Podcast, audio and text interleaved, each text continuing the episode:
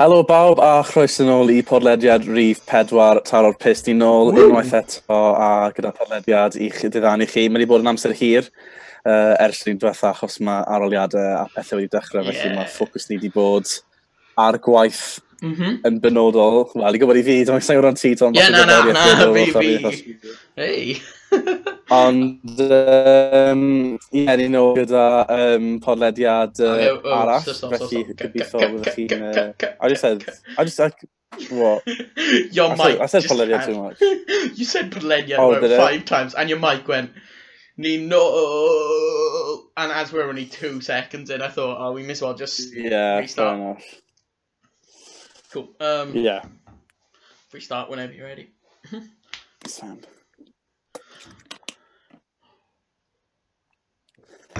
Helo bawb a chroeso nôl i podlediad arall o Taro'r Pus. Ni nôl unwaith eto gyda podlediad mm -hmm. i'ch dyddanu chi. Um, sori am bod amser hir ers yr un diwetha, ond mae arwliadau wedi dechrau, felly mae ffocws ni wedi bod yn benodol ar um, reini, ond fel, fel fi dweud fi nôl, a mae actually chwarae amdani i siarad am nawr, gan oh fod um, coronavirus wedi mae wedi setlo lawr mewn cwpl o wledydd, mm -hmm. felly um, mae yna chwaraeon fyw, da ni siarad am, ond Tom, ti'n wedi trwyddo beth sydd na ni yn y podlediad yma? Oce, okay, wel ni'n mynd i dechrau dy the big thing gan bod actual pildro dyn ni trafod. So ni'n mynd i wneud round-up Bundesliga, kind of mix-up o Premier League round-up o'r rhoi. Um, wedyn symud ymlaen i uh, y penderfyniad o League 2 i gorffen y tymor yn gynnar. Sale Sharks yn penderfynu ddychwelyd i training yn erbyn cyngor gyngrair. A wedyn ti'n gorffen i off? Ie, yeah, wedyn ni bach o beth ar y pes records rhyfeddol a ragfynigu Rockhead, segment mm -hmm. arferol. Wedyn ni sôn am ein top 3 Welsh sports people of all time a dweud pam. Ac i orffen, trafod y La Liga yn dod nôl gyda dyddiad cadarn i nhw dychwelyd i mhm. chwarae mm -hmm. a bod y Premier League yn dechrau dychwelyd i ymarfer. Felly, awn ni syth mewn gyda'r Bundesliga. Mae'r Bundesliga wedi dychwelyd, mae fe mhm. nôl. Mm -hmm amser record yma a wythnos 2 newydd orffen. Yep. Um, so ie, yeah, beth yn mynd trafod yn wir beth sydd wedi digwydd a sut mae'r Pil Jordan yn cael ei chwarae wir. Ie, yeah, uh, pa, pa, game, pa game ti'n mwyn dechrau? The... Um, Beth mi'n sôn am, am y gêm cyntaf okay. fod yn ôl, y Borussia Dortmund, Schalke, yn amlwg... Oedd y ddoi yn ei gwrnio hon? Pedwar... Ie, yeah, mm -hmm. sgwr, oedd sgwr oedd pedwar dim, ond credu yn fwy na unrhyw beth o o ni, pan ni'n gwybod, fewn, ni ddim yn wir really ffocysu ar y pil drod, ond sut oedd pethau'n cael ei gweithredu yeah. a be oedd yn digwydd. Achos o... Y peth o'n i'n unol sy'n oedd dal reol uh, pellhau, um, pellhau cymdeithasol, mm. er bod os i ar y cae oedd chwaraewyr yn y bocs yn amlwg, chi'n mynd i cael dros o'ch chwaraewyr gyda mhm. gilydd, mm -hmm. ond ar y maenc a stuff oedd nhw dal gofod eistedd mm -hmm. 34 set i ffwrdd o'i gilydd, gwisgo masks, oedd y tîm oedd gorfod dod allan ar y degau gwahanol, ac oedd lot o, o reolaeth penodol o ran dathlu goliau. Yn amlwg, like, oh. stay apart in, high mhm. fives ydym, Os chi'n mynd i, dynyddiwch um, elbows i wneud, oedd yn bach yn gyd. A fi'n credu, oedd y delwedd na o Haaland yn dathlu y gol, mm -hmm. gyda fe'n sefyll ar bwys y corner flag, wedyn pawb arall fel just ddim yn agos i fe. Yeah. Oedd llun na wedi bod mor iconig yn y byd Phil Drodd. Mm -hmm. Os hwnna yw'r llun fel i ddangos y ystafell o'n hermed Bill Rhodes. Ie, yeah, o'n i just... O'n i bach fel, obviously fi'n deall pam mae'r rheol yna, ond beth oedd, wel, di ticlo fi yn personol, oedd y ffaith pryd sgoriodd Haaland gol na, oedd e di celebrato ar ben hunan e da pawb, spread out, ond wedyn dwy funud ar ôl, wnaethon nhw cyrraedd y halfway line, a Haaland lan a roi high five i pwy bynnag drws nesaf fi e. Neu, fel, oedd gymaint o little moments o fel high fives neu taps ar y back. O'n i fel, ma, ma, ma nhw really angen nyclo lawr ar dim byd, yeah. neu just cario ymlaen fel arfer. Y peth yw, ti byth yn disgwyl rhywbeth fel hyn digwydd yn Herman Pildro, so ti'n mynd i amlwg pan mae chreuwyr yn dod nôl i chwarae, mynd i bod yn yr arfer o'r high mhm. fives, mm -hmm. hugs a stuff yma. Um, yn amlwg, fi'n credu ffactor bydd, yn wedig, o ran be fi'n gwylio, o ran beth mae um, so, uh, uh, commentators di dweud, mm -hmm. o mhm. ran home support lot o tîmoedd sydd i slaw, sydd yn dibynnu ar cefnogaeth fel Union Berlin, mm -hmm. Schalke, teams, uh, Cologne, tîmau sydd yn eitha ddibynol ar eu cefnogwyr yn amlwg nawr, dyw'r home advantage er enghraifft ddim na. Felly mae fe mm mae'n gweithio i'r tîm oedd mawr, achos wedodd Thomas Muller ei hun pan Bayern Munich curo Union Berlin 2-1. Oedd cefnogwyr Union Berlin na, bydde wedi bod, bydde wedi bod yn... Um, oedd 2-1 we? 2-1. O, 2-1, ie. Yeah. Wedodd Thomas Muller bod... Um, so oedd cefnogwyr Berlin na, bydde wedi bod yn gêm gwbl gwahanol. Mm. So, well, yn ffactor a mae'r ma away, mae mwy o Manchester tîm i, i ffwrdd o gytre nawr gan fod nhw ddim gorfod delio gyda cefnogaeth o 50-60 yn erbyn nhw. Mm.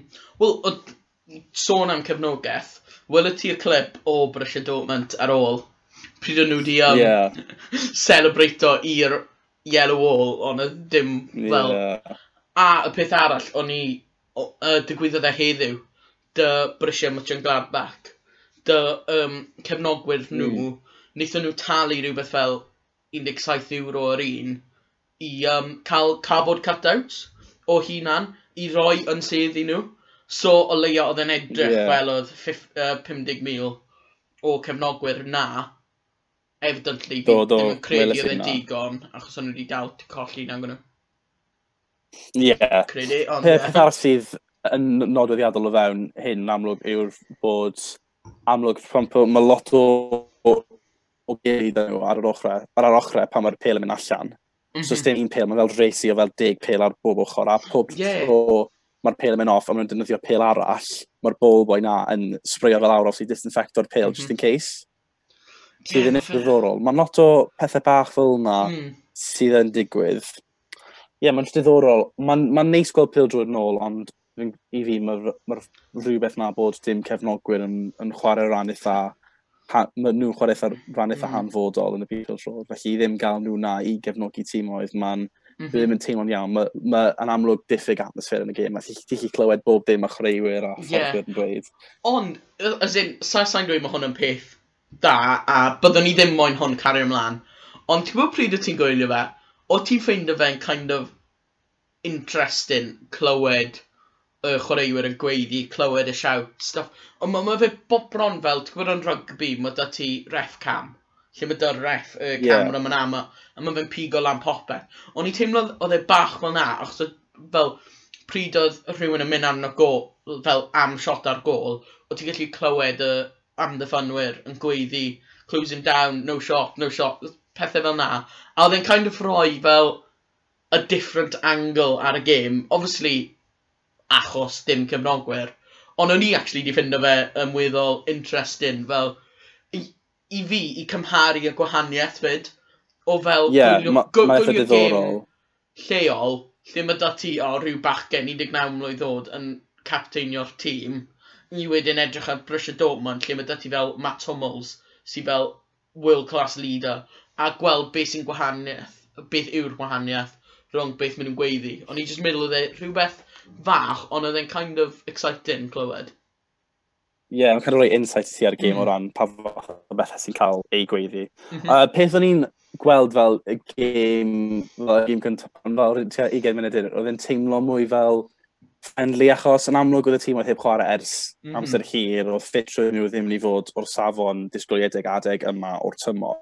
Felly, oedd y tempo ddim yn i fod na, oedd yr intensity ddim yn i fod na fel ti'n mm -hmm. disgwyl gweld mewn gêm fel Borussia Dortmund yn Schalke, oedd eisiau'n teimlo fel gêm cyfeillgar, oedd e ddim yn oedd yr competitive edge na, yeah. ond eto wedyn ti ddim gallu disgwyl i'r competitive edge fod na pan mae tîm oedd heb chwarae am dros dwy fish.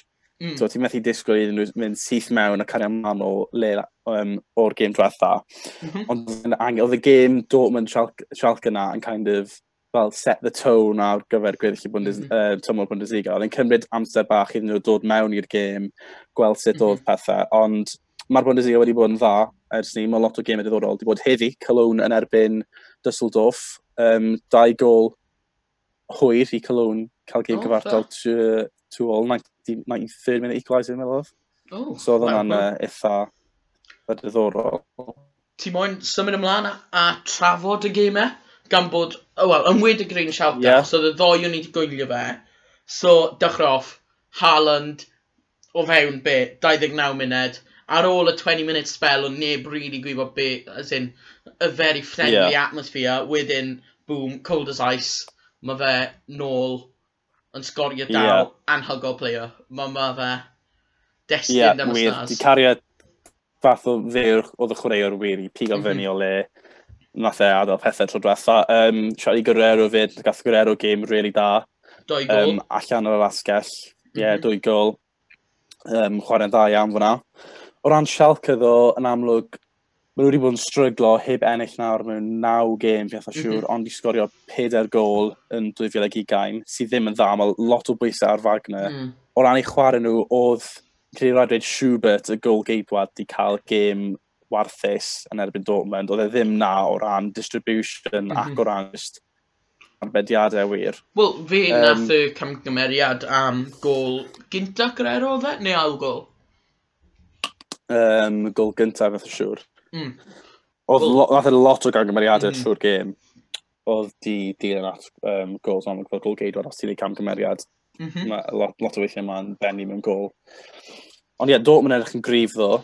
Er mwyn... Pwy Gardi. O, oh, oce. Okay. Ti'n gwybod pwy o'n ni oedd bach o standout player, ond fel away from the stars? Um, Hakimi, uh, right back. Yeah. Oedd e wedi cael e gêm anhygoel. Oedd e wedi cael o leia un assist, fi credu oedd e dau, gafodd e gol a assist heddi fyd. Na, ddoi, sorry. Pryd o'n nhw wedi chwarae, ddoi. Yeah. Mae fe'n edrych fel real good talent. Ie, yeah, yn amlwg, mae ma agent e wedi dweud ddo bod nhw'n mynd nôl i Madrid ar mm. ddiwedd y tymor, bydd e ddim yn dod i Dortmund ond i bai bod... O. Bach o technical difficulty. Yn dda i Dortmund oedd Julian Brandt a'n hygoel. Mhm. Nath ei gael cwbl o assists, a mhm. yeah, fe oedd yn, i fi yn rheoli pethau o canol y cae yn, yn fwy na neb arall. Ie. Yeah. Bydd e'n sylwi. Mm -hmm. Os mhm. ni'n sôn am Dortmund fyd, allwn ni ddweud am Goethe. Mae Goethe am wedi cael cyniatad i adael diwedd y mhm. tymor. Mm -hmm. Mae'r clwb wedi dweud, ond dwi'n gweld lot o pethau Twitter yn ddoth mae hwn yn sgrechen West, um, West Ham Everton neu Newcastle type oh, signing. gosh, ie. Yeah. Yn ymwedig Newcastle ma, nawr. Pan ti'n meddwl amdano fe. Ie, yeah, gafod y teigl mm -hmm. yn digwydd. Um, yeah, um, yeah, so sy'n gym arall, Bayern. Bayern, Union Berlin. Weddol hawdd, easy win i Bayern dy Lewandowski eto'n sgorio, be? Ie, yeah, dim ma, ma, I fi, clinical finno, finisher wise, fe yw probably best striker yn y byd. As in, am natural yeah, ability i sgorio golau. Mae wedi cael 40... Anhygoel. 40 plus goal yn 5 mor yn ôl. Mae hwnna'n just yn gweiddi world class. Mm. Mae wedi cael, um, mae wedi bod yn amlwcus weithio o ran, mae lot o bobl ddim yn gwerthfawrogi pa, fath o, pa mor dda yw e fel hmm. striker mm. wedi o ran ei natur i sgorio. Ond ie, yeah, eitha hawdd. Um, Muller di chwarae gêm dda, ond mm wedi bod mor consistent i bain dros y blynyddoedd. Yeah. Dechrau gêm dda yn erbyn, um, o, oh, pan e chwarae Eintracht Frankfurt ddoi hefyd. Mm -hmm. Roedd na'n uh, e chwarae yn really dda fyna. Nath nhw don, nid i Frankfurt gêm na 5-2.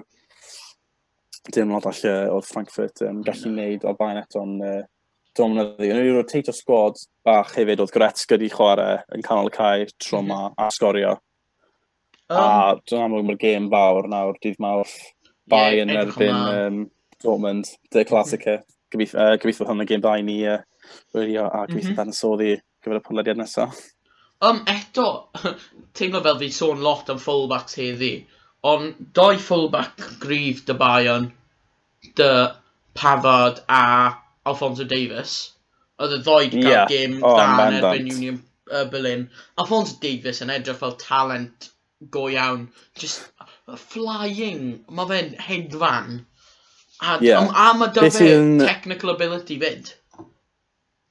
Ie, yeah, beth sy'n dda am fi yw ma'n striker turned left back. So mae dyfer mhm. natur na o gwybod sut i seithi a sgorio, ond hefyd cael ei ddatblygu fod yn left back. Felly yn amddiffynol, yeah mae'n wych fyd, ti'n gwybod, mm -hmm. mae'n chwaraewr allai ti ofyn iddo fe chwarae, mwyn lai unrhyw yn y defens, ni hyd, lo, hyd yn oed um, up front os oes angen. Yeah. Hyfad eto, beth sy'n tyfod, mae fe'n, mae er bod e'n wing, um, wel, chwarae wing, wedi bod, chwarae, bod on, wedi bod yn chwarae wing back, mae fe hefyd eitha dal, mae nath ei sgorio gornel yeah, yeah. erbyn Union Berlin. Wel, mae ma fe so, wedi chwarae centre back. Eitha versatile yeah, dim shot fi mm. fyna. Am gyda'r Kimmich yn mynd i canol y cae, mae'n caniatau Pafar mm -hmm. wedyn allan mynd, mynd allan i'r uh, wing-back position na. A wedyn y gym olaf o'n i am trafod am wythnos diwetha. RB Leipzig 1-1 dy Esi Freiburg. O'n, on i actually, mm.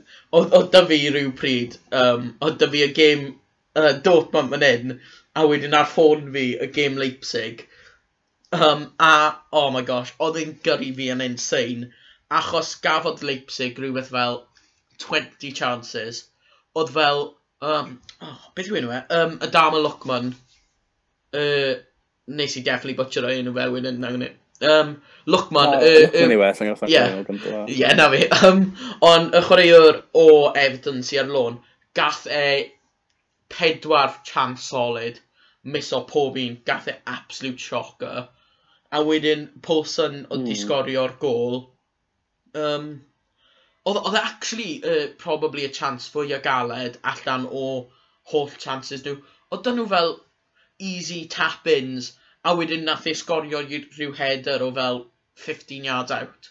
Lwpo fe dros y gol ceidwad, good goal. Ond on, o'n i'n actually teimlo dros Freiburg, achos gathen nhw... Um, yeah.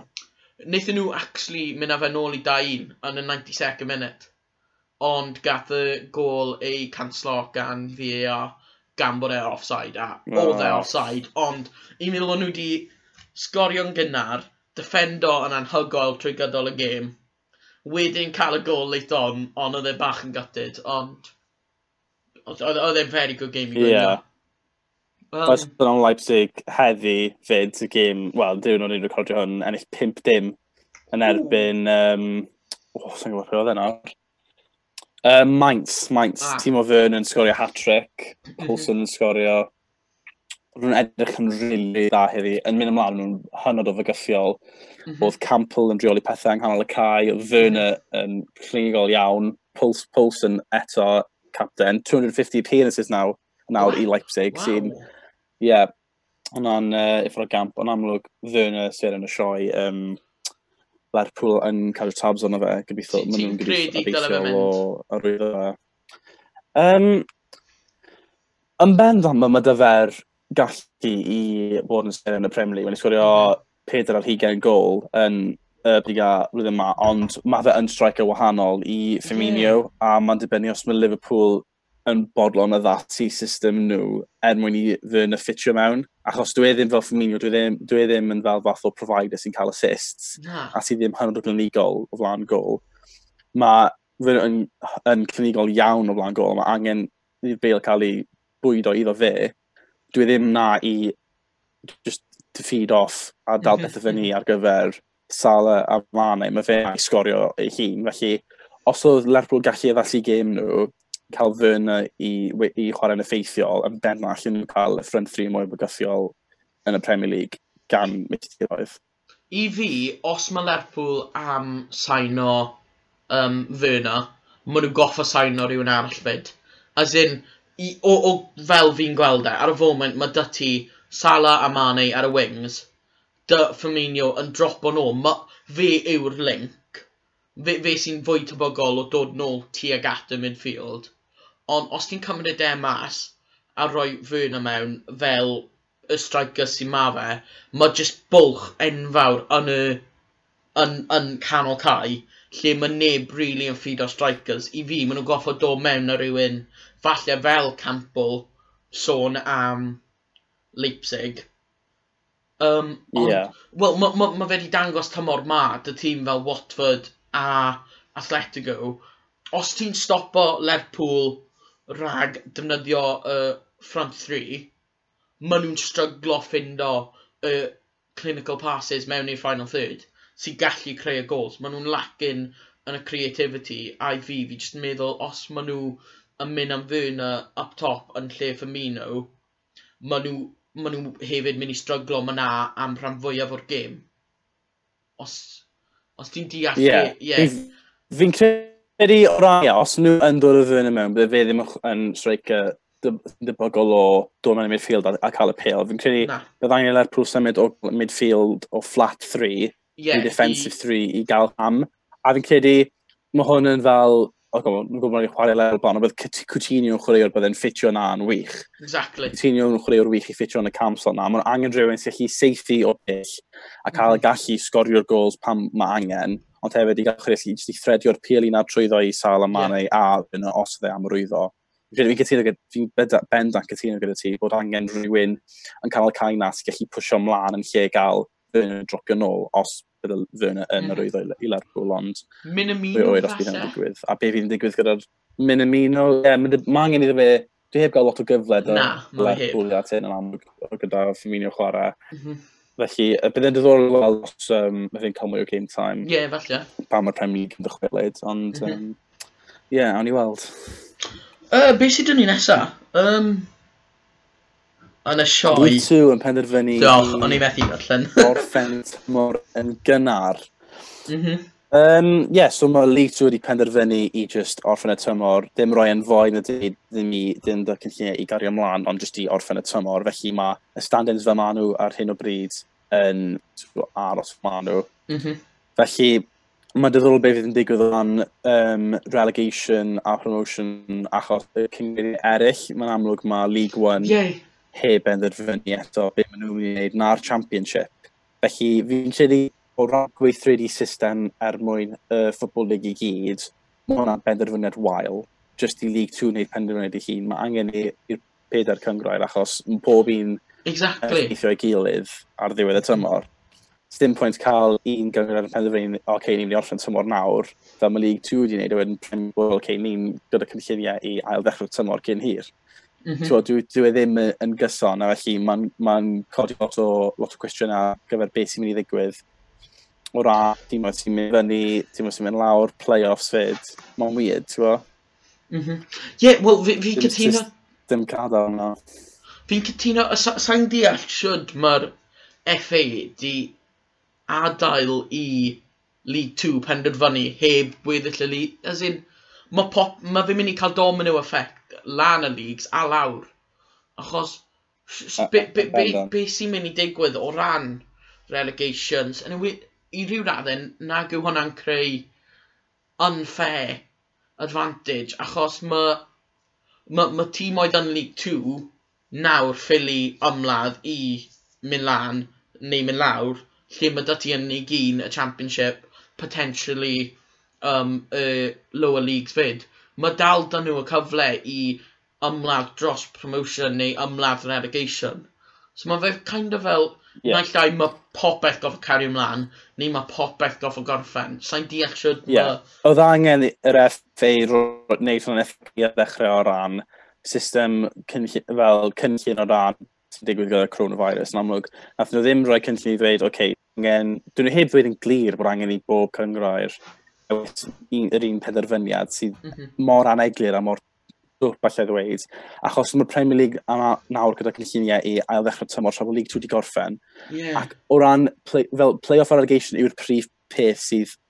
Mae ma, tîm ma, tîm fel Swindon yn er enghraifft, nhw top of, of League 2, nhw, okay, ni'n mynd fyny nawr, ni'n mynd fyny League 1. A mae tîm fel Stevenage sy'n ar weilod League 2 fel, okay, ni'n mynd, ni mynd nôl na, lawr i'r National League.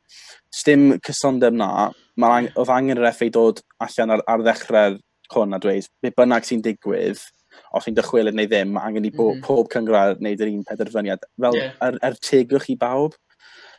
Otherwise, dwi e ddim, ti'n sdim cysondeb a ddim gwybod beth sy'n wir mynd i ddigwydd, achos yn wedi gyda sefyllfa gyda Berry mynd yn byd, beth sy'n digwydd o ran tîm oedd sy'n mynd lawr o League One. Yw'r tri mm -hmm. tîm mynd lawr, faint o tîmoedd sy'n dod fyny o'r National League, efe tri tîm yn dod no, lan o'r National League. Dwi'n heb hyn o'r gweithredu cynllun ar gyfer hwnna, hwnna cyn i'r pandemig ma ddechrau. Mm -hmm. Mae'r championship yn amlwg wedi wneud profion coronavirus i chwaraewyr a staff i gyd, a ond tri chwaraewr neu dau chwaraewr fi'n credu yeah, nath doi neu tri coronavirus, a myddw, maen nhw'n chwarae i Hull, dim ond Hull mae hwnna'n digwydd, felly o ran clybed dim ond un, trawd yn y Premier League, a ni sôn am y Premier League yn, mm -hmm. yn hwyrach yn y sioe. Ond ie, yeah, just Hull yw yn y championship. Felly mae pob tîm arall yn iawn i dychwelyd, yn amlwg mae Hull mae angen nhw weithio rhyw fath o gynllun fyna ar er mwyn dychwelyd i yeah. arfer neu os mae'r chwarae, os mae pob aelod o tîm a staff yn hunan nes i am um, saith diwrnod, ti'n gwybod, mae'n um, mae'n weird, ond ie, yeah, fel ni dweud, fi'n credu falle dy League 2 rhywbeth yn ffactor yw'r amlwg nhw yw'r lig proffesiynol isa yn y mm. Football League. Mae financial aspect i hwnna, o ran arian yn dod mewn, dyn nhw mm. methu cario ymlaen fath o, ti'n os nhw yn dychwelyd di ymarfer unrhyw beth, rhaid nhw talu chreuwyr heb gael eight receipts, tocynnau, stwff mm fel yna. Dyna beth fi'n credu sy'n ffactor eitha mor, a mae League 2 wedi cymryd y penderfyniad na, falle nhw'n jyst i blino dy aros i'r FA wneud penderfyniad neu yfathrebu, yeah. felly fi'n credu maen nhw wedi cymryd y penderfyniad i But like, chi'n credu oedd pob tîm o'n o lai ond am Stevenage oedd ar y weilod yn bus gyda'r penderfyniad. Mm -hmm. Ond, ie, yeah, roedd ni'n cytuno gyda'r ffaith bod angen i'r pedwar lig a gilydd dod i benderfyniad. I fi, as i, mae ma hwn yn 100% just theory o be fi'n meddwl, ond fi credu nath yr FA penderfynu o gad i ni dewis, uh, gad i pob lig penderfynu, just achos, i'r FA wneud yn teg, yr unig ffordd, really, maen nhw'n gallu neud e, yw creu rhyw fath o fwt lle mae pob clwb yn penderfynu cario ymlaen foed benni fel mae fe. A maen nhw'n goffa neud na trwy gydol y pedwar lig. A yeah. yn, yn, yn personol, fi Gemini'n credu, os nhw'n neud na, trwy falle y championship a lawr, yn enwedig Lig 1 a Lig 2, bydden nhw probably yn ffwto fel i aros nawr, neu foed, fe, fel mae'r fel mae uh, be maen nhw wedi dweud yn sôn, a fi credu mae'r FA wedi actually penderfynu na ni'n mynd i ddim wneud hwn er ffafr y big teams, achos nhw yw'r rhai sy'n kind of roi'r arian i'r FA trwy popeth. They're, they're, they're the big names. Yeah. So mae fe'n ma fe favouritism yeah. tuag at nhw, a fi credu na'r unig reswm maen nhw heb wneud big penderfyniad, achos fi credu bod nhw'n outfoot o'r Premier League a byddai'n mynd yn erbyn be maen nhw moyn. Ond, that, that's, yeah, that's uh, a personal opinion. Yeah. Ond...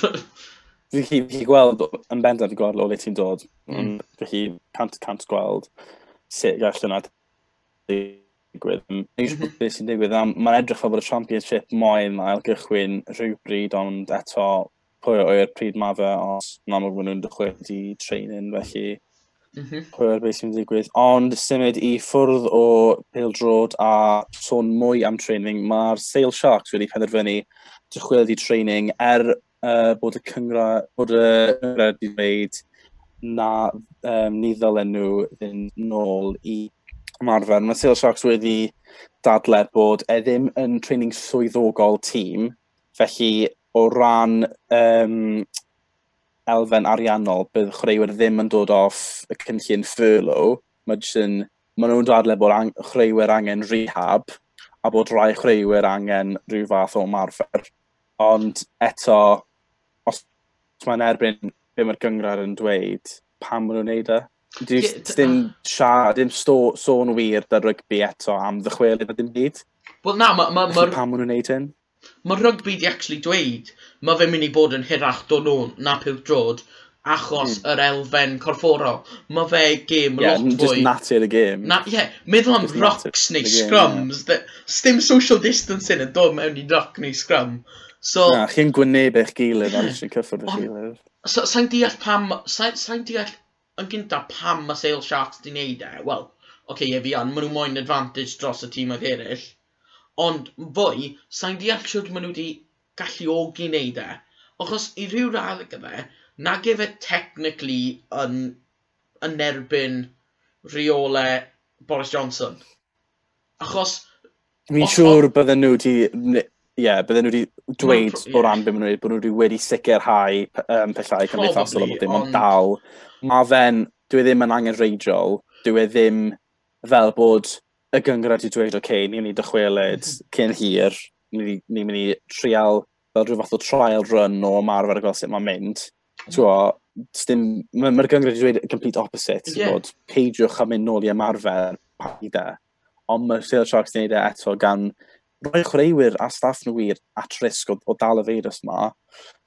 A ie, yeah, yn bennod ti'n iawn o ran natur y gêm, mae o'n i'n meddwl gynnym o ran pellhau cymdeithasol o fewn rygbi a neud e. Mae ma mor amhosib achos natur y gêm, o ran drugs, taclo, moles, ma, ma, ma, ma, ma, amhosib, amhosib i wneud, felly ti yn iawn yn bendant dweud bod rygbi mynd i gymryd lot o amser i ddod nôl. Y Mae yna speculation bod y Six Nations yn cael ei pwysio nôl i mis Ebrill um, blwyddyn uh, nesaf yn lle mis um, chwefro sydd yn newid y calendar rygbi hefyd mm -hmm. o ran cwpan y byd. Wel, dim plas dim cwpan y byd, fe fi'n o'n Na, na, ma, dynnu dyn spel am hwnna, ond... Na, y, y peth dy rygbi... Wel, ti'n sôn am Six Nations. Be, be, be, ma nhw dal heb do mas a dweud beth sy'n digwydd dy Six Nations blwyddyn yma. Achos, obviously, oedd game oedd yeah, heb, heb yeah. benni. Dyw hwn heb gael ei gwblhau, na. So, bydd mm. hwnna goff o cael ei chwarae rhyw pryd, neu falle bod nhw'n just yn foed o blwyddyn ma.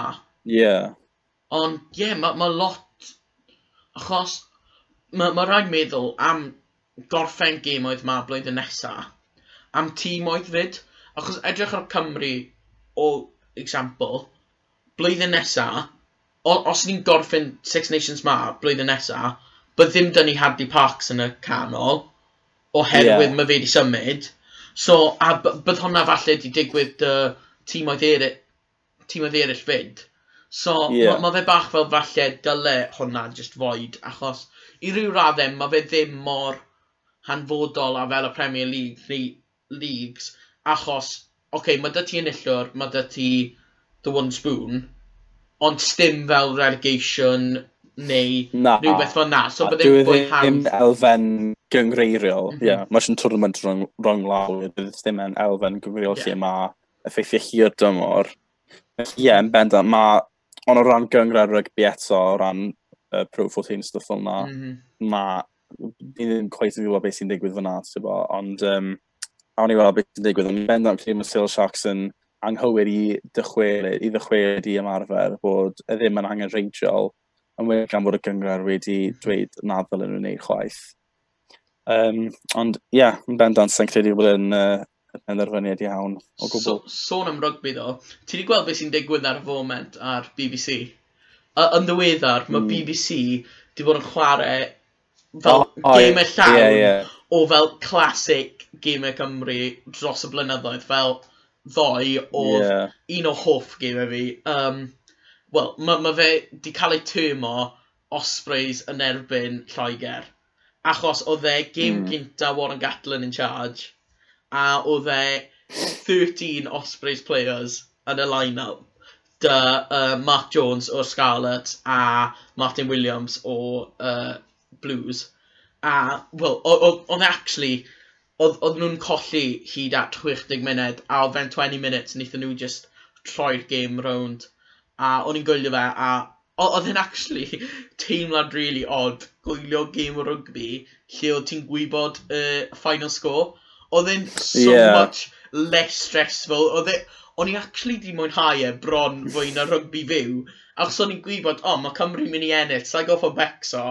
Fel, fel arfer, I don't know, yeah. o'n i'n knock o fel, yeah. no, ti fel, oh my gosh, na, na, na, ni di troi o drosto. Ond ti fel, o oh, na, mae'n ffain.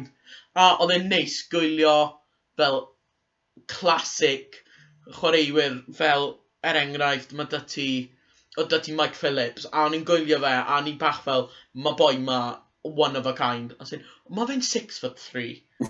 Sa'n credu mae eriod di bod naw, mor dal, mor fawr. Yeah. E, Think, Gavin Henson, obviously, wasted talent, Shane Williams, o, oh, then, oedd e'n nostalgic iawn. Ie, yeah. mae BBC yn na neu na, mae'n gwybod gym y pildro wedi bod ar fyd um, Cymru yn erbyn y ddegawd 2002, gym eitha mm -hmm. iconig. A mae mhm. ma FA Wales obviously wedi rhoi ar um, YouTube page nhw yeah. um, hen geiriau, fel, wel, y ymgyrch 2016 Euros, oedd hwnna'n dda. Ie, yeah, wedi bod yn really dda o ran uh, chwarae gymau sydd wedi digwydd yn ffilm fel classics, mae'n lai. Ti'n ffeindio fe'n od gwylio nhw? As in, fi wedi gweld cwpl o roi uh, rygbi a pildrod yn gweld siwd mae'r gêm di symud ymlaen fel siwr mae wedi datblygu. Ie. Yeah. Fel yn rygbi ddoe... Mae'n gwylio... O, certi, certi. O, oce. Um, yn y rygbi ddoe... Ni, ni, ni, ni. Cerdi, you go. Yn cael gwylio um, Cymru'r Alban o 1979, a oedd um, golgeid o'r Alban yn gwisgo keeper gloves, ond oedd golgeid o'r Cymru ddim. A ddim weird gweld oedd y chwarae di newid fe oedd amlwg oedd ddim, fel pan oedd Faust, ddim lot o cwyno, they just kind of get on with it. Mm -hmm. A mhm. ran celebrations goal, yeah, they're just a classic run a neidio, put your fist in the air kind of thing. But dyna fath o, o ddathio oedd yn digwydd, oedd dim byd confensiynol o ran darlliadau. Ond oedd e'n neis mewn ffordd fyd gweld. Mm. Achos o'n meid y cantigolio Cymru pil drod, hen gêm e o fel y 70au, 80au, 90au y kit, rhywbeth mae angen ti'n oh. cysi ar, mae'r kit Cymru wedi bod mor wych dros y blynyddoedd. Mae'r kit 1979 na, gyda'r um, stripes lawr yr ochr efo na, oh, gwyrdd, yeah, yeah. melin a, oh, a gwyrdd. Good kit. Hynod o kit, hynod o kit neis. Wel, sôn am kit, o'n i'n yn y rugby, mae hwn yn dangos oedd enwau e chwaraewyr ar gefen. Do, oh, welis i na. Oh my god, oedd e'n mor nostalgic, a o'n i'n gwybod un peth nes i prop o sylweddoli dy rugby, oedd y referee o. As in, mae ma, ma, ma, ma, pobl yn cwyno dyddi yma e am refs, fi included, fi wastad yn ranto, ond fi byth mynd i ranto to. Achos yn y gêm na, o, o beth o'n ni wedi gweld, oedd doi trai dylai wedi cael ei disilawo, um, oedd un trai just blatantly offside, oedd doi yellow cards dylai wedi fod, oedd, oedd, um, at one point, oedd James Haskell di actually troi round a cico chwaraewr, and it just got missed by pawb as in full on just off the ball, put his foot through him. A ni bach fel, okay, you can see should mae TMO a stuff yn gweithio dydyn yma. Ie, yes, so mae technoleg y fe rygbi wedi datblygu mm -hmm. um, dros y blynyddoedd diwetha. Ond gyda'i syni ymlaen nawr at y segmentau mm -hmm. arferol, bus ar y pist, records feddwl a ragfynig i roced. Beth am wrthos ma'n i ddechrau gyda ragfynig i roced? Okay. A gweithio'n ffordd nôl? Um, Ond pwy ti'n mynd gynta? Ti'n mynd gynta neu ti'n mynd fi mynd gynta? A fi gynta. O, schnitzel. Right. Oce, okay, yna i... Llyn o mic fi, yna. hyn. I chwarae un fi... Na, sorry. Un... Yr un ti yeah, di hala i fi. So... Yeah.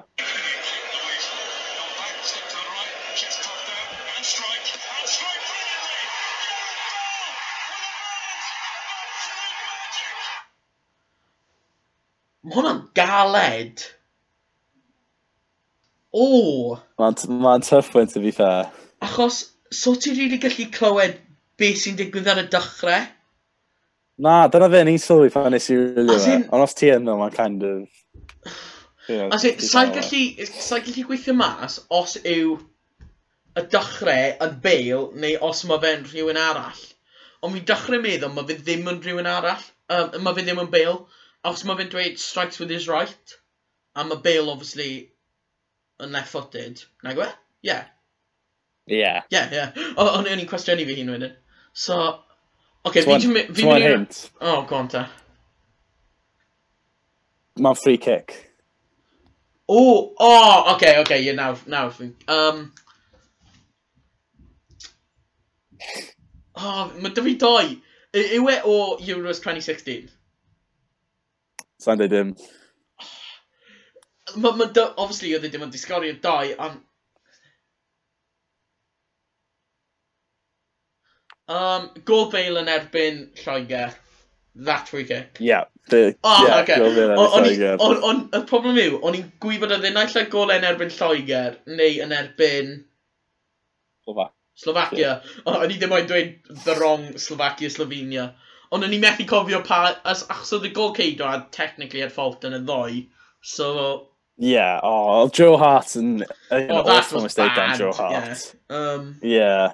Okay, um, Ond ie, yeah, chwarae tig. Mm -hmm. Na, ma chwarae un fi.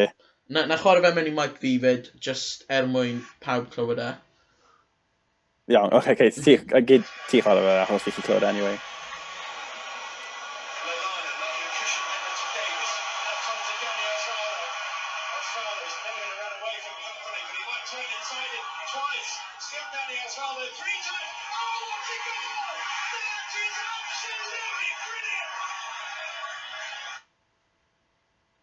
okay, chi ges o'r gêm ond dim clwn i fi. Fi'n gwybod bod yn Southampton erbyn Man City achos mm -hmm. Osvaldo a company, yeah. ond i chwarae i Southampton a City. Mm -hmm. Ond... Sdi beth sa'n cofio un, un o'r goals dot Daniel Osvaldo oh. erioed. Sa'n sa cofio fe'n sgorio good goal. Daniel Osvaldo erbyn City. Mae fe'n galed, ond you should... E, unwaith bydde fi'n dweud, you will kick yourself. Ife, ma, uh, uh, yn St Mary's, uh? Oh, gosh, of um, Sa'n sa siŵr. Os yn St Mary, os e, yn St Mary, fi'n eitha siŵr i gwybod pa anyway. E. Um, Cer fi double check o'n gloi. Fi'n eitha siŵr. Ie, yeah, ie, yeah, mae mhm. ma fe'n St Mary's. Mm -hmm. Efer un pan mae fe'n cut cyto nôl a curl o fe top bins. Mhm, mhm. Erbyn Joe Hart. Na, na, Pantilimon, Pantilimon o fe. Yw e? Mm, sa'n siŵr. Pantilimon, fi'n eitha siŵr. O, oh, can I focus it? Y counter attack o ma. Ie, fi'n gwybod. Mae fe'n gol anhygoel gan i gwylio fe, just why not, achos this is, this is a class goal. Ie, ti'n gwybod, mae'n uh, eitha dda. Mae'n just twitio fe nôl erbyn... Mm um, mae na, one, two, two, Pantilmon anyway, e, three, yeah. yeah. A wedyn, uh, yeah, celebration. Yeah, top corner. Pawb yn cofio celebration ma. The, the, the famous oh, machine yeah, gun. Yeah. Classic. Yeah, fi gofio na. Ie, ie, iawn. Wow. No, i neud yr arferol o un record mm a... I, yn gloi, i fi'n cywir yn dweud, ni mor bell heb cael un yn anghywir dy rhagfynegu roced. Fi'n eitha siŵr, ie. So sa'n credu ni wedi, ie. Cwyr angen gwneud rhoi bach yn anoddach. Ie, yeah, wel o'n i'n meddwl bod hwnna di bod bach fwy anodd, ond... Ie, yeah. ti'n moyn record rygbi neu pil drod gynta? Fi wastad mynd am rygbi gynta, so a fi am pil pildrod. Iawn, so record ma mm -hmm. yw most left-footed Premier League goals of all time. Ooh, okay. Uh, Ti'n ma fi, gai just cael guess. Fi, fi moyn, ie, yeah, fi, fi moyn y chwaraewr ar nifer y goliau mae wedi sgorio mm -hmm. gyda'r... Dwi'n just cael random guess. Oh gosh. Burkamp. Na. Na? Nid Burkamp. Okay. Fi, fi, fi actually'n stuffed. Fel, fi'n trio meddwl am rhywun sydd da very good le Of left footed, a sa'n gallu. Okay, roll fi clues, falle, I'll get it. Right. Fe yw top goal scorer wlad. Okay. Mae wedi chwarae yn, i doi tîm yn y Premier League. Doi tîm, uh, un tîm yn y Dutch League, ond mewn dau cyfnod gwahanol, a un tîm yn y Turkish League, gan sgorio ah, 205 gol yn ei Robin Van Persie. Ie. Yeah. Ie, yeah, oce. goliau, Faint o gol, ie. Oh, faint o gol, ie, ah. ti'n lawr i sgorio. 178. O, dy trod chwythau. 150. Yeah. Roughly. 70. J oh, okay. Okay, wow. Okay, o'n i bach off. okay, digon teg. Oh, ges i edrych cliw. Byddwn ni probably ddim di cael e, ond unwaith o ti di dweud y doi Premier League team, wedyn mm. Dutch League a Turkish, byddwn ni di stryglo heb y Turkish League, ond... Right. Yeah. Um, be ti moyn gynta? Y tîm oedd neu'r clues? Fel bob wythnos, y chwaraeon, please. O, oh, a pildrod, sorry. um, na i gael, na i gael y clues gynta. Okay. Mae fe di ennill Player of the Season i Man City. Um, okay. A neu arfer e, mae fe dim ond i sgorio 15 gol. A okay. mae fe di um, admito ei hun, mae fe ddim yn gwylio pildrod, a mae fe'n gwybod dim byd amdano fe. Ooh. I know, bach o, bach o weird last fact, ond... Ooh. Be yn licio pildrod, dim 15 goals. Ooh. Os i gofyn mynd off top pen fi, sy'n so dweud Richard Dunn. Na.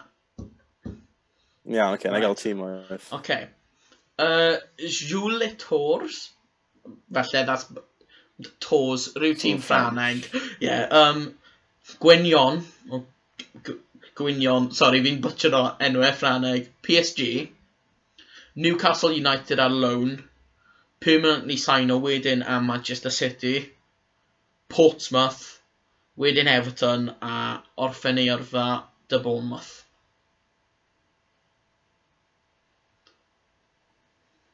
Oh, fi strygol fod e'n not gonna lie. Mm -hmm. Mae ma fe'n un galed. A lle oedd yn pryd nath e orffen neu yrfa? 2016. 2016. Mae'n ffraneg. O'n i'n meddwl originally Bacchus Hanio, gwybod, Bacchus Hanio heb chwarae hanner y tîm oedd na.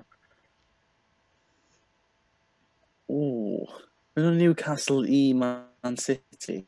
As in, oedd e wedi e chwarae i Newcastle ar loan o PSG, ond wedyn ar ôl hwnna yeah. sain o i Man City. O, oh, okay, okay. Methu meddwl, methu genuine, methu meddwl. Ti moyn y safle, not that it would be. Yeah. Okay, oedd e'n centre-back, ond oedd e wedi chwarae fair share at right back. Ond oedd e'n centre back, but he could play and did play at right back.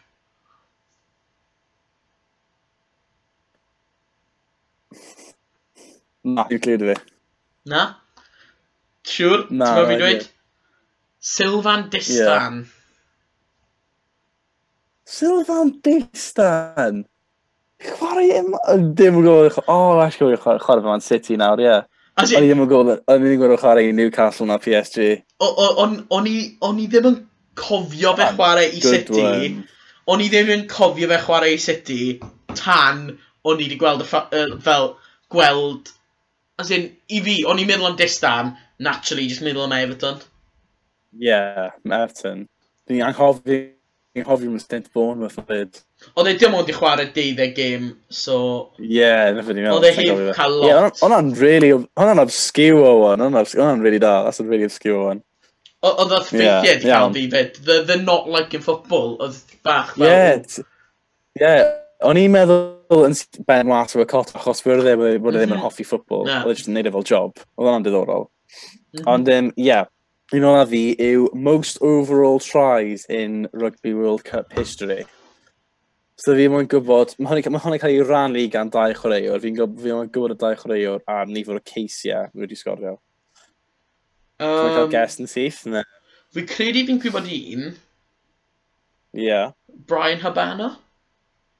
Ie, yeah, Brian okay. Habana yw un. Um, Fi cael Lyle un straight off the bat, fydda'n very impressed. Cullen? Na. Na, oce, okay, fair. Okay. Mae'n gwybod y tîm oedd? Go on, ta. Um, Counties Manu Manukau. Oh. Blues, not Cardiff Blues, just Blues. Yeah, yeah. Uh, blue, Chiefs, yeah, okay. Hurricanes, Wellington, Cardiff Blues, ah, North Harbour, Marseille. Yeah, if I have. Faint o tries wedi the other. World Cup. Okay. Faint gath Josh Adams. Gath Josh Adams fel 11 o fe? Rhywbeth fan... Um, fi'n mynd i geso... 44. No any. No, yeah. no, okay. Lot, lot llai. Oh, o fe? Oh gosh. Beth yw e? O... 28. 15. What? okay, evidently oedd Josh 15. Adams heb... O! Oh, right. Josh Adams 6 neu 7, dda? Okay, fi credu fi di slightly cam ddeall y record. I ti'n meddwl mewn un World Cup? Na, na, overall. Most overall ah. tries. Genuinely? Most in... overall tries. Yeah, dyma ma'n dweud fan hyn, yeah. Nath John oh, Lomo dau World Cup, a nath Brian Habana cael tri. Okay.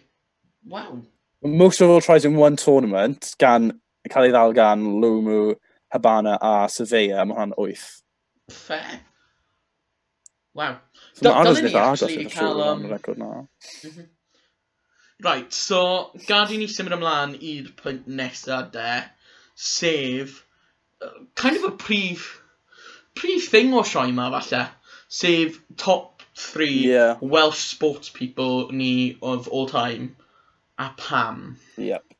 Mm -hmm. Ond sa'n siŵr am ti, fi gwybod ni wedi gwneud all time, ond mae rai fi actually yn weddol um, ddiweddar, just achos, a obviously, fi wedi stico i be fi'n gwybod, like, falle oedd rhywun o yeah. 1914 that could have won this, but o'n i obviously ddim yn mynd i gwybod, so... Um, sut ti'n neud e? Mynd, one each? Charles, no. Yeah. Um, yeah, o'n i wedi un o'r un. Cedi gyntaf da okay, so fi wedi mynd am, wel, probably hoff un fi, sef mm -hmm. Alwyn Jones. Sa'n di, as in, mae fe definitely, byddwn ni probably yn rhoi y e gynta. Hei, stopio ti fyna. Fi wedi rhoi Alwyn Jones mewn fyd, so felly, I reckon, mae'n dylen y ddoi o'n i siarad am Alwyn Jones. Okay, let's go. Um, Alwyn Jones mewn. Okay, well, be fi di yeah. really mynd am Captain Cymru, most cap yeah. chwaraewr i Cymru, mae fe'n un cap off. Yeah bod y most cap player ever, as in y game yn erbyn yeah. Scotland, bydde hwnna di wneud e'n joint. Mm -hmm. Amazing player, dal yn mynd yn 34 years old, a mae defni dy fe, o leia blwyddyn arall, potentially fwy mena. Mae fe'n chwarae best rugby yn nawr. Oedd e'n gapten ni am Cwpan y Byd blwyddyn ma, lle, lle creudwm ni y semi-final, sef fi credu joint Besni, sa'n gallu meddwl pryd mae Cymru di chwarae, uh, cyrraedd y final. Um, no fe. Mae fe'n absolute gentleman of the game. Mae fe byth di wneud unrhyw beth drwg on neu off the pitch. Mae fe'n absolute inspiration i pawb.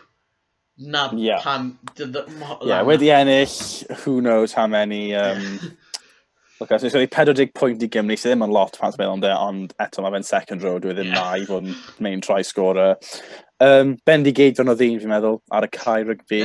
Dyna sy'n cael ei adnabod o fewn uh, Cymru Cymraeg yn rygbi. Ie, yeah, ond literally, dim byd allan mwy ati dweud am Alwyn Jones, mm. mae'n hanod o chwaraewr, mae wedi mhm. bod wastad i chwarae a, ar y gorau a wedi bod o'r safon eich am dynyddoedd, felly bob pan y teg iddo fe i gario ymlaen, mm -hmm. dal, dal i wneud am uh, 34 blwydd oed, ond ie, yeah, nes i chwarae teg iddo fe, mae'n uh, world class. Ie. Yeah. Mae ges i ddim dweud am Alan Jones. Ie, yeah, wel, ni wedi cyfro popeth yna. Absolute inspiration. Yeah. As in... So, os dwi am symud mlaen i yeah, uh, yeah. ail un fi, fi wedi dewis Ashley Williams fel... Okay, okay, that's... Mm -hmm. Chwaraeon fi. Yeah, that's right. Um, yeah, basically, just o ran Cymru bod yn wych. Um, mm -hmm. I Abertawe, 322 game, can cynnwys uh, captain o'r playoff final, na, de, um, faith captain playoff final 2011 a captain uh, 2013. Mm -hmm.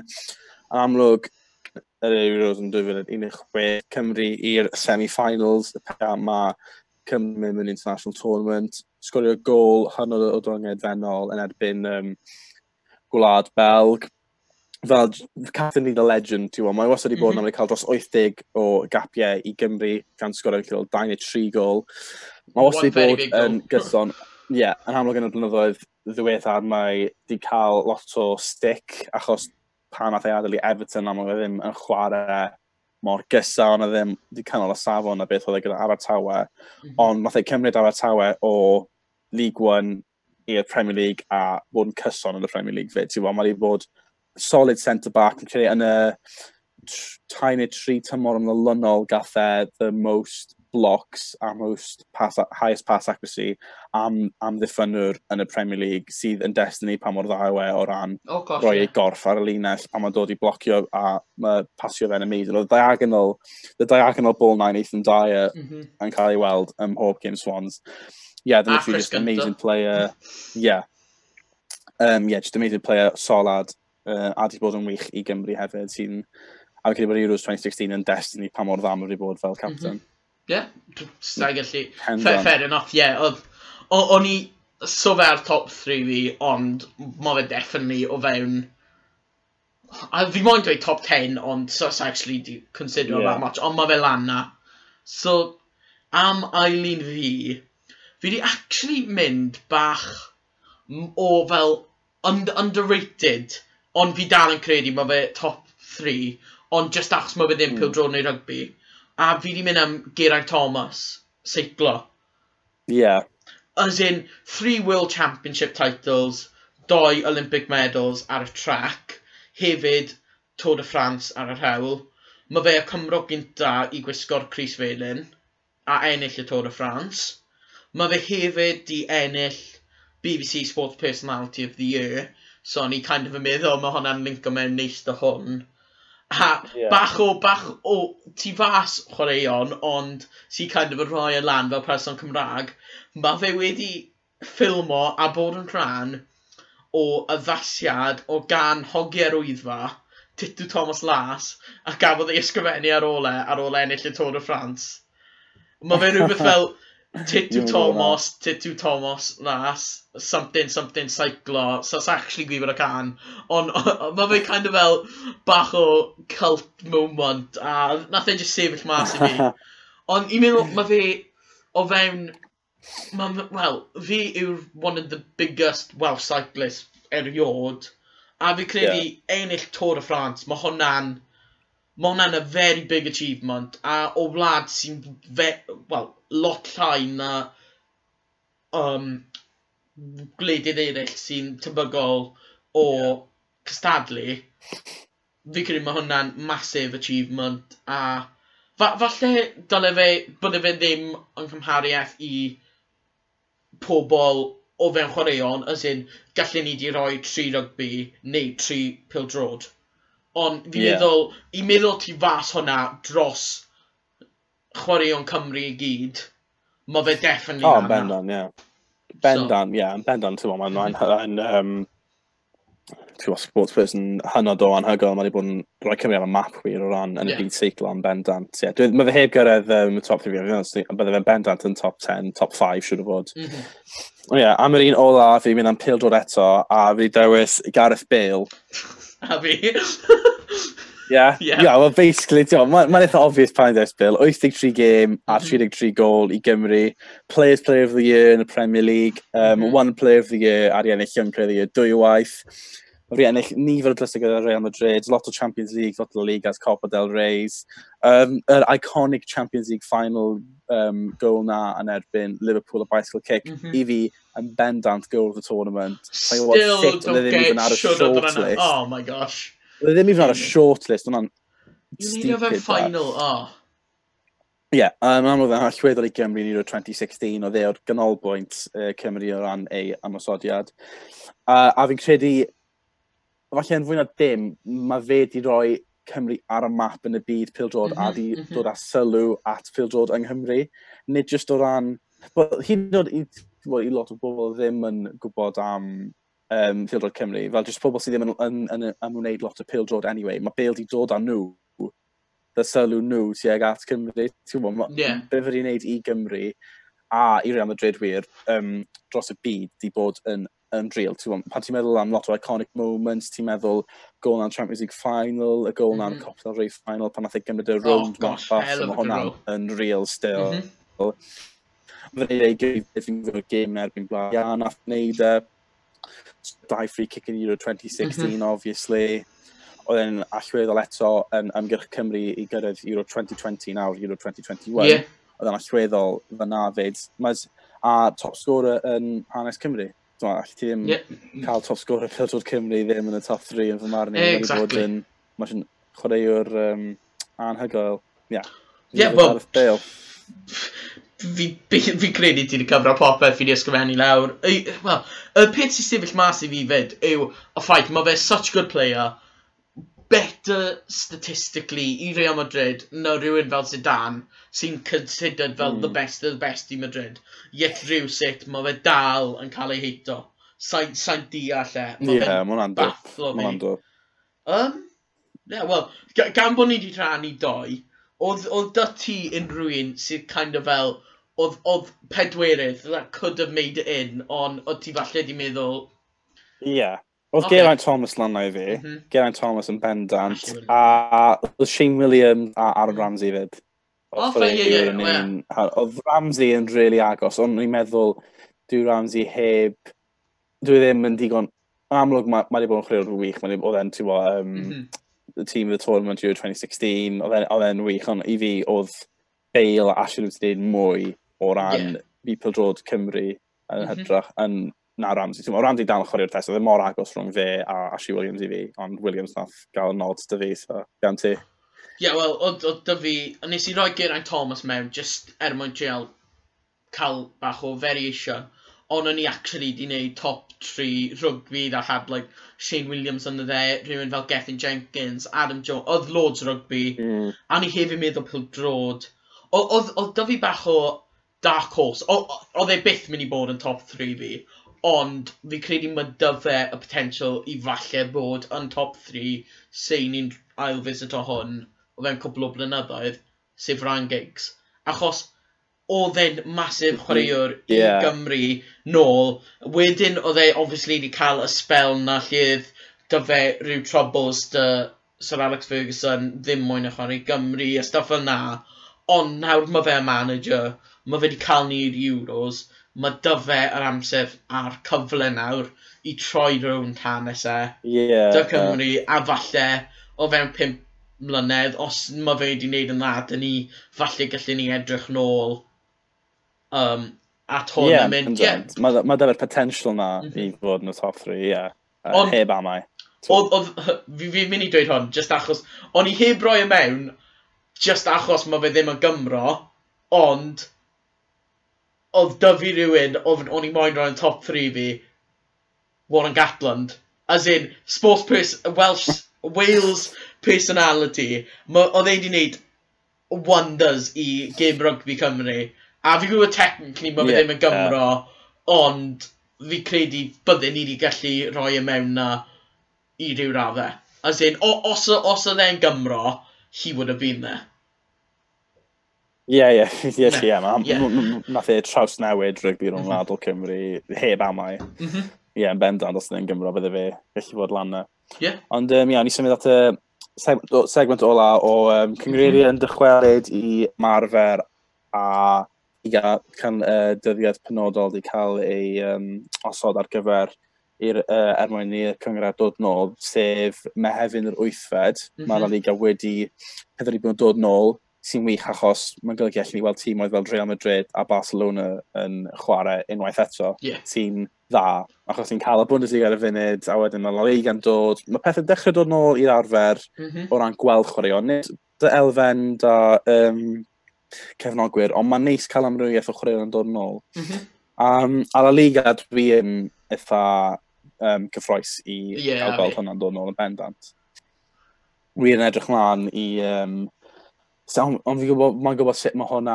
Fi'n ddim y bend mae'r Bundesliga wedi rhoi sail i La Liga mm -hmm. gweithio off. Mae ma Bundesliga wedi bod fel, cei, dyma sut ni'n gweithio fel La Liga, newch chi'r un peth. Fi'n siŵr falle bydd rhai addasiadau gyda La Liga, yeah. ond eto bydd e yn neis gweld yn ôl, bydd yn neis gweld sut mae... Yn amlwg yn, um, yn La Liga mae um, mae'r stadiwm, lot, mae stadiwm lot tîm oedd lot fwy is fel yeah. Burnmouth a Wigan new new can huge, ti'n gwybod, massive open space. Dwi'n gwybod sut pa fath effaith bydd hwnna'n cael ar tîmwydd fel Real Madrid mm -hmm. a Barcelona. Ond um, eto, dwi'n really excited i gael weld. Mae'n wedi bod yn ymarfer ers bythefnos, tar wythnos na fi'n credu. Rhywbeth fan'na, ie. Dweud na. Mm -hmm. um, so ie, yeah, wedi cael digon o ymarfer a maen nhw'n uh, digon parod a maen nhw wedi cael um, golau gwyrdd gan y Llywodraeth nawr i ddychwelyd ti'n meddwl bydd e'n lot gwahanol i'r Bundesliga neu jyst gweld mwy o'r un peth? Ia, yeah, fi sa'n credu mae lot fwy allan nhw'n wneud.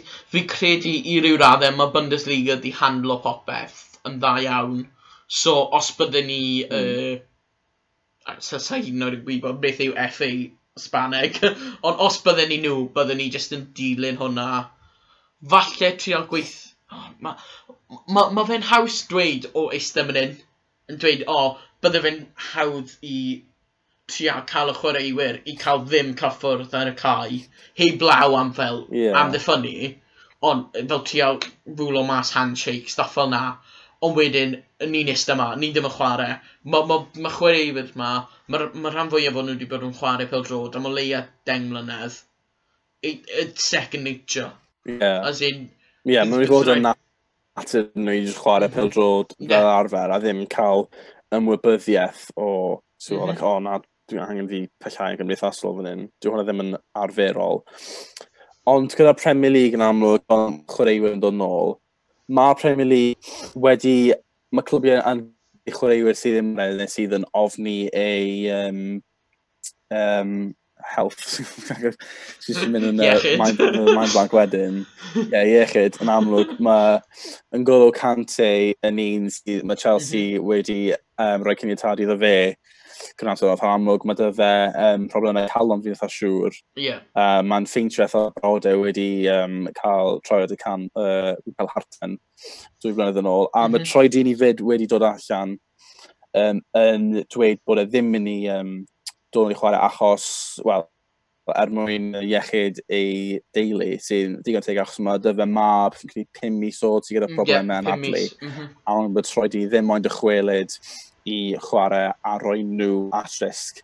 Ond credu un chwaraewr sydd wedi bod yn hynod o fiol i Anio ar mae fe wedi dweud. Mae fe... Um, oedd oedd Mike wedi torri off hwnna. O, um, Danny Rose wedi dod, okay. dod a dweud bod e'n teimlo fel labrat bod ddim cael ei ddefnyddio er mwyn bwstio moral uh, y genedl, sydd mm -hmm. yn digon teg. Fi'n teimlo, maen nhw'n fel dod nôl, mae'n yn, fel fi'n deall pam o'ch chwaraewyr yn teimlo fel bod nhw'n cael ei fforsio nôl i chwarae, ond os mae cyngreiriau eraill yn neud, mae ma Premier League yn amlwg mynd i edrych at wneud hefyd, ond mae sefyllfa um, y pandemig yn wedi e yn o blaen yn ambwio. Mm -hmm. Felly, ti'n bo, a fi'n credu yn mae fe lot wrth beth yw e um, yr Almain a Sbaen. Felly mae angen yn bendau llywodraeth ar e, um, FA cymryd hwnny ystyriaeth, mm -hmm. ond mae mhm. tîm wedi bod yn ôl yn ymarfer. Um, mae rhai cases wedi dod mas, dim methu gwneud credu dros tri clwb oedd cwpl o cases, mm -hmm. a fi'n siŵr bod hwnna'n cael ei delio gyda, um, fel gyda proses a chynllun digon teg, ond um, yeah, mae Premier League yn ddiddorol achos mae relegation fight yn mwyn a dim yn y Premier League yn eitha fyw. Ie. Oh. Ti'n o ran, ie. Yeah. Ie, yeah, fi, fi, fi, sa'n siŵr am ti, ond fi yn erbyn uh, pobl dod nôl yn treino. I feddwl, yeah. ar y foment, mae dal, mae dal dyn ni, um, mae ma, ma, ma dal major pandemic yma, mae fe dal high risk. A i ryw raddau fi, fi, cytuno dy dini a cante a pobl fyna a fi'n credu mae pobl yn cael ei gythio nôl a am fy marn i sa'n deall pam mae ma chwaraewyr pil drod yn cael eu cymryd off furlough a mynd nôl i chwarae a mynd nôl i swydd nhw cyn i pawb arall. Oce, okay, ie, sa'n sa yeah. gweud am fel siopa, fel siopa dillad, ond yn enwedig pethau fel oh gosh, uh, fi'n stat mynd nawr, ond fel, ond yn wedi ysgolion rhywbeth fel na, fi'n credu dyle hwnna bod fwy o priority yn rhwngwladol i sort o mas cyn pil drod. A un peth yeah. fi wedi gweld lot o, a mae fe actually yn neud fi'n physically sick, yw y hate mae pobl fel Troy Dini yn cael, mae clybiau fel Bournemouth, mm. a, a lot o lower league uh, lower league, lower yn y table teams, yn cael hate am dweud maen nhw ddim moyn mynd nôl, achos mae pobl fel, yeah. o, oh, chi ddim ond yn dweud hwn, achos mae tîm chi yn y relegation battle, chi trial scapo mas, gad i ni chwarae pil drog. A fi fel, fi'n meddwl, oce, okay, mae rhywun, mae roi o Burnley wedi o hwnna yn eistedd ar soffa fe, o fe'n self-isolation, yn saff, lle mae chwaraewyr ma yn mynd mas, maen nhw'n rhoi life nhw i ryw raddau at risg er mwyn yeah, lles pobl eistedd lawr a gwylio. As in, just, oce, okay, mae pawb mae'n gweld yn ôl, ond fi dal yn credu mae iechyd, a mae pethau eraill dylai ddod nôl yn gynt. Yeah. Mae math o mentality ma fel, to, like, boost the morale of the nation, like, oh, keep mm. fighting kind of stuff. Mae'n kind of, i fod y bach yn dod fel World War II mentality, ti'n gwybod, mae just reference on all that, like, oh, boost the morale of the nation, keep fighting, ti'n gwybod, mm. Mm-hmm. pan mewn reality, dyw pethau fel yna, pethau psycholegol, ddim mynd i gweithio pan mae'n dod i stwff ymarferol, dwi'n e, dwi e methu mm. digwydd. A be, be fi'n mynd i ffynd diddorol, er bod hwn ddim yn Premier League related, yw gyda Championship yn dod yn ymarfer, beth sy'n digwydd y Caerdydd ac Abertawe, achos yn amlwg mae rheolau lockdown mm -hmm. i barhau yng Nghymru, mm -hmm. a fydd Llywodraeth Cymru yn, ti'n bod, bydden nhw fel, okay, this can't happen achos ni dal yn lockdown, tra bod Lloegr ddim. Ti'n bod beth sy'n mynd i ddigwydd fyna, yeah. mae'n ma, anodd i wybod, mae lot o anghysondeb eto o ran hwnna, ti'n bod hwnna ddim, hwnna ddim exactly yn Premier League, ond dal, ond dal i ah. bodoli. Un peth sy'n becso fi, ti'n sôn am World War II tactics o fel boost morale, uh, that kind of morale boosting propaganda, that, that kind of thing. Ond, os ti'n meddwl am, oce, okay, falle ddim ni, ond ti'n meddwl am rhywun sy'n 7-8 mynd i ddod nawr, bachgen sy'n caru pildrod, idols e yw chwaraeus Premier League. A mae fi'n mynd i hmm. gweld players ma nôl yn training, nôl, nôl yn chwarae ar y cae, Be sy'n stopo fe wedyn troi rownd? O, oh, mam, dad, gallai mynd mas a chwarae pel dod â ffrindiau fi? Na, pam bydde ti'n neud na? Wel, maen nhw gyd gallu, why can't I? As in, that type of mentality. As in, yeah, maen nhw nôl, mae hwnna mynd i, mae hwnna'n mynd i creu fel boost o, o, oh, fi mae'n chwarae pel drod a mae hwnna potentially yeah. mynd i roi pobl at risg a sa'n deall pam os rhaid wneud e. Oce, okay, ie, yeah, mae pawb moyn... Mae Ma, nhw ddim moyn effeithio tymor nesa, ond meddwl am fel ni yn prifysgol, ni ddim yn gwybod beth sy'n mynd i digwydd blwyddyn nesa o ran yeah, academics. Yeah. A mae hwnna'n i ryw, i ryw faint lot fwy pwysig na pil drod. A yeah. sain, sain, i fi, yeah. mae ma fe'n ma, yeah. pwysio y peth anghywir. So... Yeah, mae'n fel um, uh, rhoi'r chwaraeon yn rhywbeth fel y prif, mm -hmm. um, y prif peth i achub a adfyw yn edrych na pethau mwy amarferol bwysicach.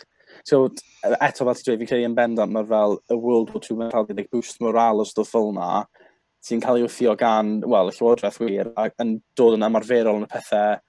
Ti'n angen data a ffigurau sydd yn dangos bod dychwelyd i pêl yn saff, fel yn yr Almain a Sbaen. nhw well past peak nhw cyn iddyn nhw dychwelyd, a mm. -hmm. yn Lloegr, er fod mae Mosnos wedi dweud bod y peak yma wedi digwydd, yn amlwg gael a lockdown yn cael ei isio a pobl yn, yn cael eu caniatau i fynd lefydd eraill, pwy sydd wedi dweud bod ail spike mynd i ddod eto. Y, y, y, y, peth, y, y peth arall dy fi yw, ti'n bod, mae ma, ma lockdown rules, wel, mae ma nhw wedi iso bach yn awr dy exercise, stuff yna, ond oedd fel un peth y dydd, a o'n nhw'n dweud i, i bod yn saff, a i trial yfoido yeah. mynd ar tough cycles a stuff yna, a i fi, mae'r injury aspect o hwnna yn cael ei cario dros do am pil drod, as in, oce, okay, ma, ma nhw wedi gwneud test o nawr, ond beth sy'n yeah. beth sy'n gallu digwydd, falle mae rhywun yn pigo fe lan cyn gêm, oce, okay, falle maen nhw ddim yn pasio fe ymlaen, ond os dy ti rhyw fath o mild coronavirus, a ti ddim yn gwybod, ti'n mynd ar y cae, a ti'n blow o mas o das, yn rhedeg o gwmpas, a mae dy ti uh, Covid o fewn ti, mae hwnna'n mynd i effeithio lungs ti, mae chance o ti collapse ar y cae, neu rhywbeth fel na, wedyn ti'n goffa mynd i ysbyty, neu just challenge rhywbeth o fewn pildrod. Os mae rhywun yn torri cwrs nhw, eto, mae nhw'n mynd mewn i ysbyty, mae ysbyty na, yeah, yeah. goffa trito fe, mae nhw at risg. Neu, beth sy'n fwy to bobl o digwydd, achos siwd mae prydain di delio dy pildrod o staff, bydd, bydd, bydd person na, bach fel Boris Johnson, yn mynd mewn i'r ysbyty o fewn bach o VIP ward bydde o fewn isolation ar ben hunan e, a to that extent then, pam os rhaid i rhywun sydd wedi cael ei fforso nôl i pildrod cael special treatment o fewn y hospital lle mae rhywun falle front line worker sydd wedi dale yn trito pobl yn cael reserve treatment. I fi mae hwnna bach fel sa'n deall pam ni'n aberthu yeah. y risg o pobl delio fe caru fe, goffo mynd mewn i ysbyty pryd mae problemau fwy i delio da ar y foment. Ie, yeah, mae lot o risgau, lot o bethau yn dod gyda yn ynghyd â dychwelyd i bildrod a no way fi'n credu bod Lloegr yn sefyllfa dim data empirig na i gefnogi bod yn digon saff i pildrod dychwelyd a bod mm. cleiwyr yn mynd nôl at ei teulu oedd wedyn a bod nhw ddim gael fel a bod yn saff. Mae'n sefyllfa hynod o beryglus a no way mae Premier League yn yr un, yn yr un sefyllfa diogel ac mewn amgylchedd sydd yn rhydd o beryg yeah. fel mae Bundesliga a La Liga i ddychwelyd yn bendant fi meddwl bod yn yr er amser iawn mm -hmm. ond ie um, yeah, felly mae hwn uh, rocio fyny bob dim sydd o'n i drafod Nice little rant o'n y ddoi yn yma. Ie, mae wedi bod yn uh, podcast eitha yn hirach na'r arferol. Yeah. Um, Achos um, ma, ond gobeithio bod chi wedi droi am, wel, yr absens mm -hmm. fi gan fod um, ariadau bob dim uh, wedi yep. uh, cychwyn. Ond gobeithio ar ôl i nhw orffen wedi ni um, gwneud un pob wythnos mm -hmm. i pob yn ail wythnos eto. Felly, um, yeah, diolch yn cool. fawr i chi uh, am wylio neu wrando ar y podcast yeah. ma. Bydd links i trydar a Facebook ni lawr yn y description. Mm -hmm. Ewch i ddilyn nhw ac i, uh, wel, jyst i gyfathrebu gyda ni ar uh, cyfrannu cymdeithasol, ond yeah. uh, i chi yn y podlediad nesaf. Diolch yn fawr am rando. Diolch am rando, cadwch yn saff.